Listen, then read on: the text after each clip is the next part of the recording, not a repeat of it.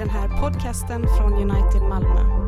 För mer information om oss besök www.unitedmalmo.nu och följ oss på Twitter. Lyssnar till eh, askonsdagens gammaltestamentliga text från Joel 2, 12-19. Nu säger Herren, ska ni vända er till mig med uppriktigt hjärta, under fasta, gråt och klagan. Slit sönder era hjärtan, inte era kläder, och vänd åter till Herren, er Gud. Han är nådig och barmhärtig, sen till vrede och rik på kärlek. Han ångrar det onda han hotat med. Kanske ändrar han sig och låter välsignelsen vara kvar till matoffer och drycksoffer åt Herren är Gud. Stöt i horn på Sion, påbjud en fasta, kungör en högtidssamling, kalla på folket, Påbjuda en helig sammankomst, kalla på de gamla och samla barnen, också de som ännu får bröstet. Och brudgummen lämna sin kammare och bruden sitt gemak. Mellan förhuset och altaret ska prästerna gråta, ska Herrens tjänare ropa, Herre, skona ditt folk, lämna inte de dina att skymfas så att de blir till en visa bland folken. Varför ska hedningarna få säga, var är deras Gud? Då greps Herren av lidelse för sitt land och av medömkan med sitt folk. Och Herren svarade sitt folk, jag ska ge er sed och vin och olja så mycket ni behöver. Aldrig mer ska jag tillåta att ni blir skymfade bland folken. Så lyder Herrens ord. Gud, vi tackar dig. Vi lyssnar till askonsdagens nytestamentliga text från andra Korintierbrevet kapitel 7, vers 8-13. Ty även om jag gjorde er bedrövade med mitt brev så ångrar jag det inte.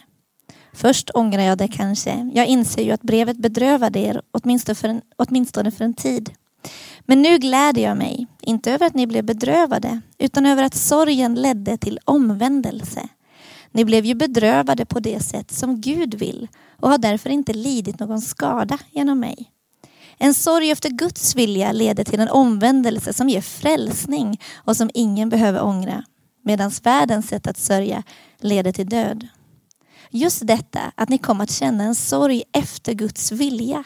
Vilken hängivenhet har det inte medfört bland er?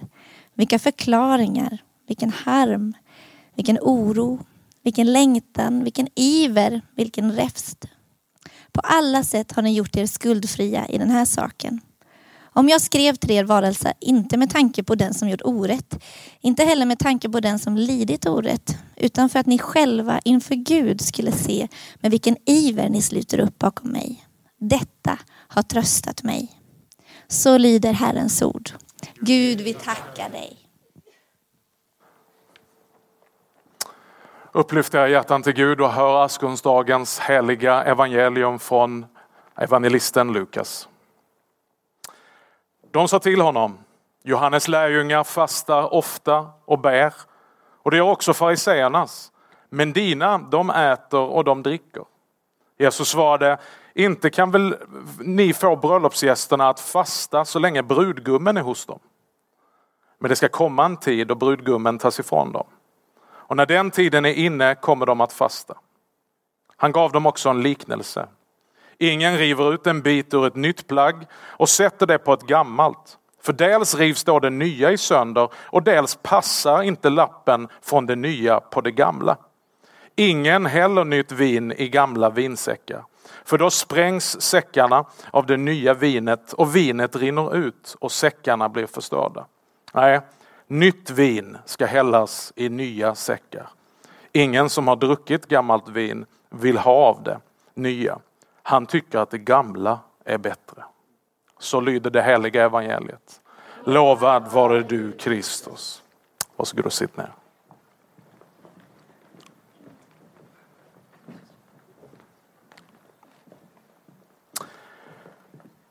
Fariseerna fastar, Jesu lärjungar festar. Så vill det enkelspråriga sinnet göra uppdelningen. Fasta är religion och Jesus är bara party. Men det finns för varje Jesu Kristi lärjunge tider av både fest och tider av fasta. Här gäller det att ha urskiljningsförmåga och kunna bedöma vilken säsong man lever i. Man ska inte fasta på festen och man ska inte festa i fastan. Och här hjälper oss kyrkoåret att tala om vilken tid vi lever i och vägleder oss vad det är dags för. Vi går in i fastan. Att vi går in i fastan betyder inte att vi förnekar festen utan varje sann, stabil och sund Jesu Kristi lärjunge som förstår att Gud Fadern är den allsmäktige skaparen och givaren av varje god gåva. Han kan fästa på det goda som skänkes honom i den här skapelsen. Men varje Jesu lärjunge också en efterföljare till Kristus som söker mer av andens liv och förnyelse, som är trött på köttets gärningar och som vill uppleva andens frukt. Den lärjungen följer också Kristus in i fastan. För det är fastan som faktiskt bereder rum för den sanna festen, påskens glädje.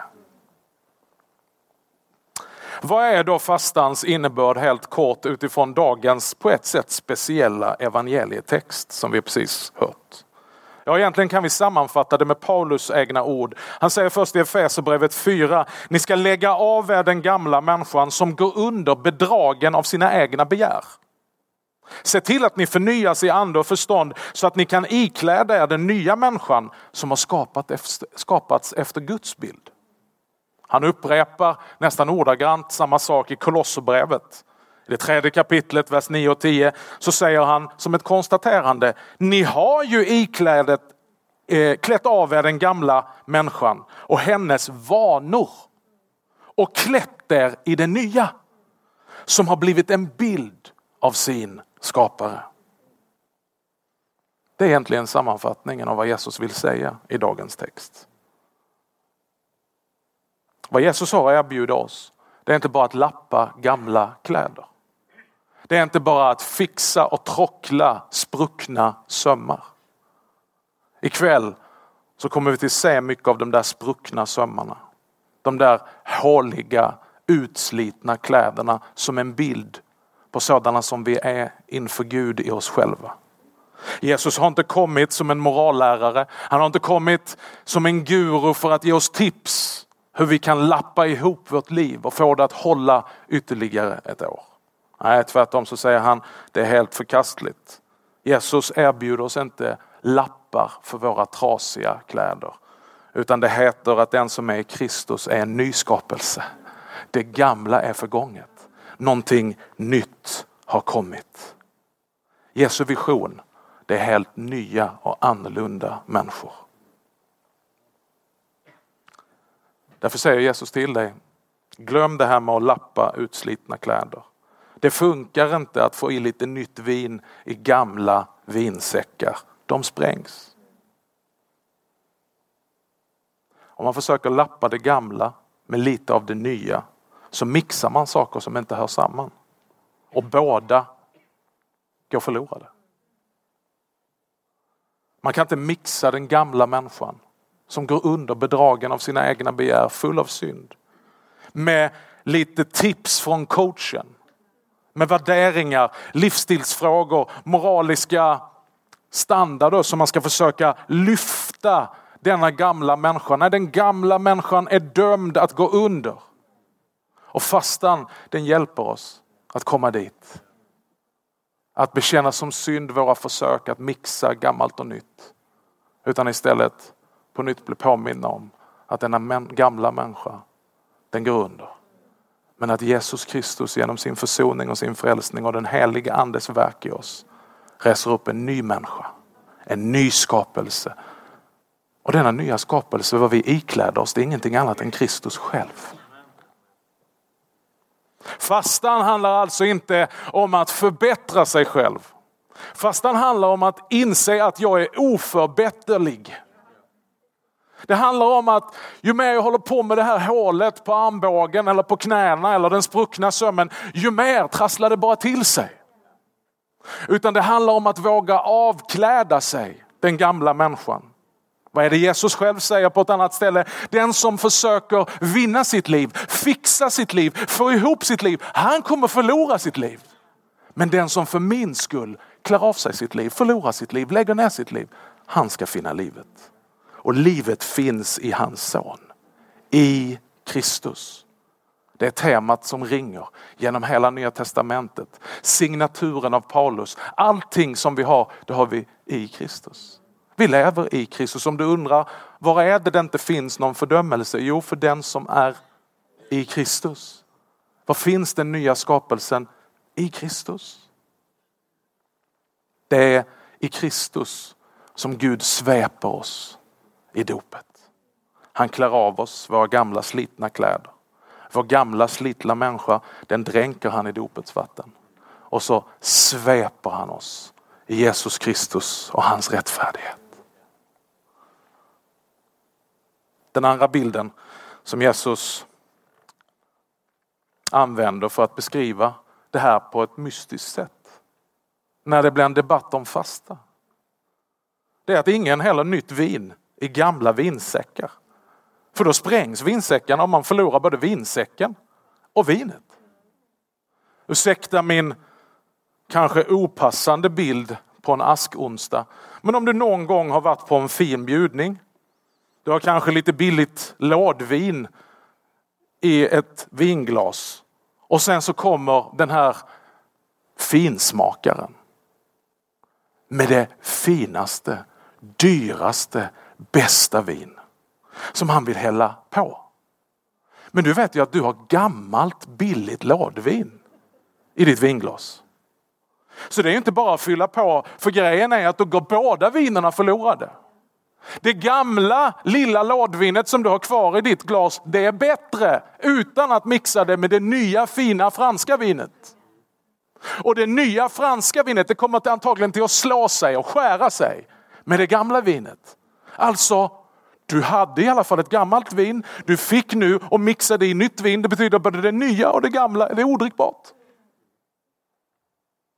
Det är kanske en bild som passar somliga av är bättre än det här med vinsäckar. Men poängen är, Jesus har inte kommit för att plussa på lite av hans nya till ditt gamla. Utan om vi vill få njuta av det nya vinet som inte handlar om alkohol utan som handlar om det livet som kommer ifrån himlen. Då måste vi först våga släppa taget om den lilla slatten som vi själva har. Vi måste våga hälla ut det. Vi måste våga spola av glaset och sen stricka fram. Eller varför inte släng glaset i väggen, släpp taget och ta ett nytt glas. Och låt han hälla sitt nya liv i dig. Detta mina vänner, det är fasta. Det är att släppa taget om sig själv. Det är inte att bli nitisk med sig själv. Det är inte att försöka förbättra sig själv. Utan det är att släppa taget om sig själv.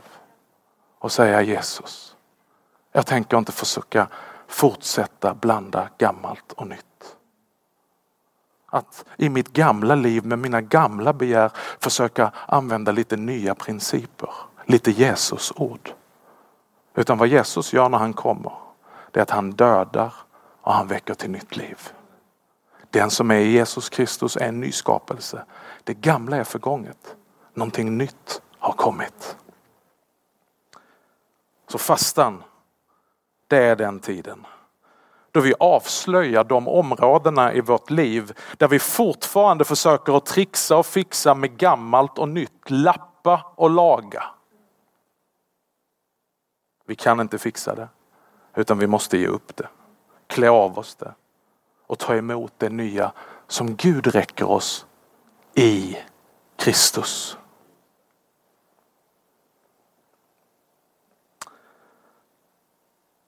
Vi behöver ikväll identifiera under fastetiden identifiera de områdena i vårt liv där vi skapar spänningar. Du vet det här när vinsäcken håller på att sprängas. Den gamla stelna, oflexibla vinsäcken reagerar på det nya ofermenterade vinet. Som gör att helt plötsligt så blir det spänningar och det kommer till att spricka. Vad är det vi har spänningar i vårt liv? Vad är det vi vandrar på vars en sida vägen? Vad är det vi försöker kombinera? Det som aldrig kan kombineras utan alltid lever i konflikt. Det nya med det gamla. Fastan är en möjlighet där vi får klä av oss och därför, där Gud får klä oss mer och mer i Kristus och hans rättfärdighet. Sist men inte minst så säger Jesus att den som har druckit gammalt vin vill inte ha det nya. Han tycker att det gamla är bäst. Det här har en hälsning till oss i fastan. Fastan handlar om att under en avsatt period på 40 dagar vänja oss vid nya smaker. Det är inte så att man föds med att man tycker vissa saker smakar gott. Nej, det är någonting vi lär oss. Vi vänjer våra smaklökar genom den diet vi sätter oss själva på. Och det vi har vant oss vid, det tycker vi är bäst. Alla förstår att det nya är bättre än det gamla men ändå säger Jesus, men vissa de är fast i det gamla. De vill inte ha det nya för de tycker det gamla, det är jag van vid. Jag vet hur det smakar. Vi behöver använda fastan. Att vänja oss vid nya smaker. Smaken från himmelriket. Men himmelriket, fast det är det nya vinet, fast det är evangelium, kan faktiskt smaka besynnerligt vid första smaken. Guds ord kan låta... Man kan inte riktigt greppa det. Andliga övningar kan kännas bakvända. Varför det? Därför jag helt enkelt inte är van vid det. Jag har blivit van vid min gamla människa. Och den gamla människan går under, bedragen av sina egna begär. Den gamla människan och hennes vanor, säger Paulus. Så fastan är en inbjudan att börja vänja sig vid nya vanor. Så att vi lär oss att urskilja det nya vinet från det gamla och lär oss att uppskatta det Jesus Kristus har att erbjuda oss. Ta denna tid och ta denna överlåtelse du har möjlighet att alldeles strax göra med att få ett kors tecknat i din panna. Låt det bli märket. Låt det bli avskiljandet för att gå in i en period då du ska avslöja destruktiva mönster. Avvänja dig vid gamla vanor och vänja dig vid nya heliga, frumma Gudsrikes vanor. När du ska utvidga smaklökarna och deras förmåga att ta in smaken ifrån himlen. Tänk vad sorgligt det är att när vi får smaka himlen så tycker vi det smakar konstigt. Vad sorgligt det är när Gud kommer nära så tycker vi det smakar inte som det vi är vana vid. Och vi kan väldigt lätt vända ryggen till Gud och det han gör och istället gå tillbaka till det gamla vi är vana vid. Men idag får vi möjlighet att klä av oss det gamla och ikläda oss det nya. De fyra, fyra första veckorna av fastan. Då riktar vi blicken mot oss själva. Vi riktar blicken mot oss själva för att ransaka och omvända oss. Och fastan övar oss i en självinsikt. Och genom självinsikt så blir vi befriade ifrån självbedrägeri. Självbedrägeri är just detta att tro att ah, men jag ska nog kunna fixa det. Jag ska nog kunna trockla ihop det. Det här kan man lappa. Det här behöver man inte slänga ännu. Det är självbedrägeri som kommer utifrån att min insikt om min egen fallighet fattas mig. Därför så är de första fyra veckorna, de första tre söndagarna i fastan inriktade inte på Kristus utan på dig. Vi vet det utifrån förkunnelsen att förkunnelse är lag och evangelium. Och därför så vandrar vi den första halvan av fastan och speglar oss i lagen. Vilket avslöjar vår brist. Men sen händer det någonting mitt i fastan, någonting märkligt, någonting underligt. Den fjärde söndagen, mitt i fastan, byter tema. Den heter Guds mäktiga gärningar. Den kallas för Marias bebådelse. Det är då vi får reda på att jungfrun är havande. Hon har blivit havande av helig ande. Gud har gripit in i vår värld. Det som nu har bara präglats av att vi ser att det är lidande, det är fall, ingen av oss lever upp till Guds lag. Så kommer budet att nu är det bara nio månader kvar. Och jungfrun ska föda världens frälsare. Undret har skett, helig ande har kommit över Maria. Och sen resten av de veckorna som är kvar fram till påsk, då flyttar vi vår blick från rannsakan av oss själva till beundran, till tacksamhet, passionstiden. Då börjar, då börjar Jesu vandring närma sig Jerusalem. Vi förföljer honom genom hans lidande. Vi förföljer honom genom Getsemane. Vi förföljer honom på korset, i döden och i graven.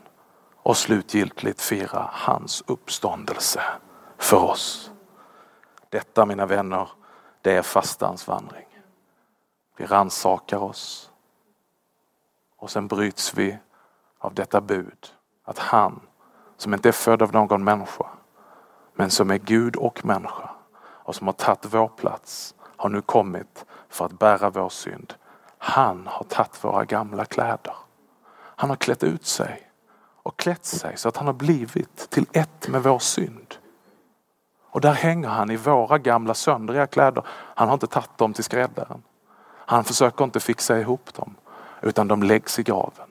Och när han uppstår så sveper han oss i hans rättfärdiga mantel.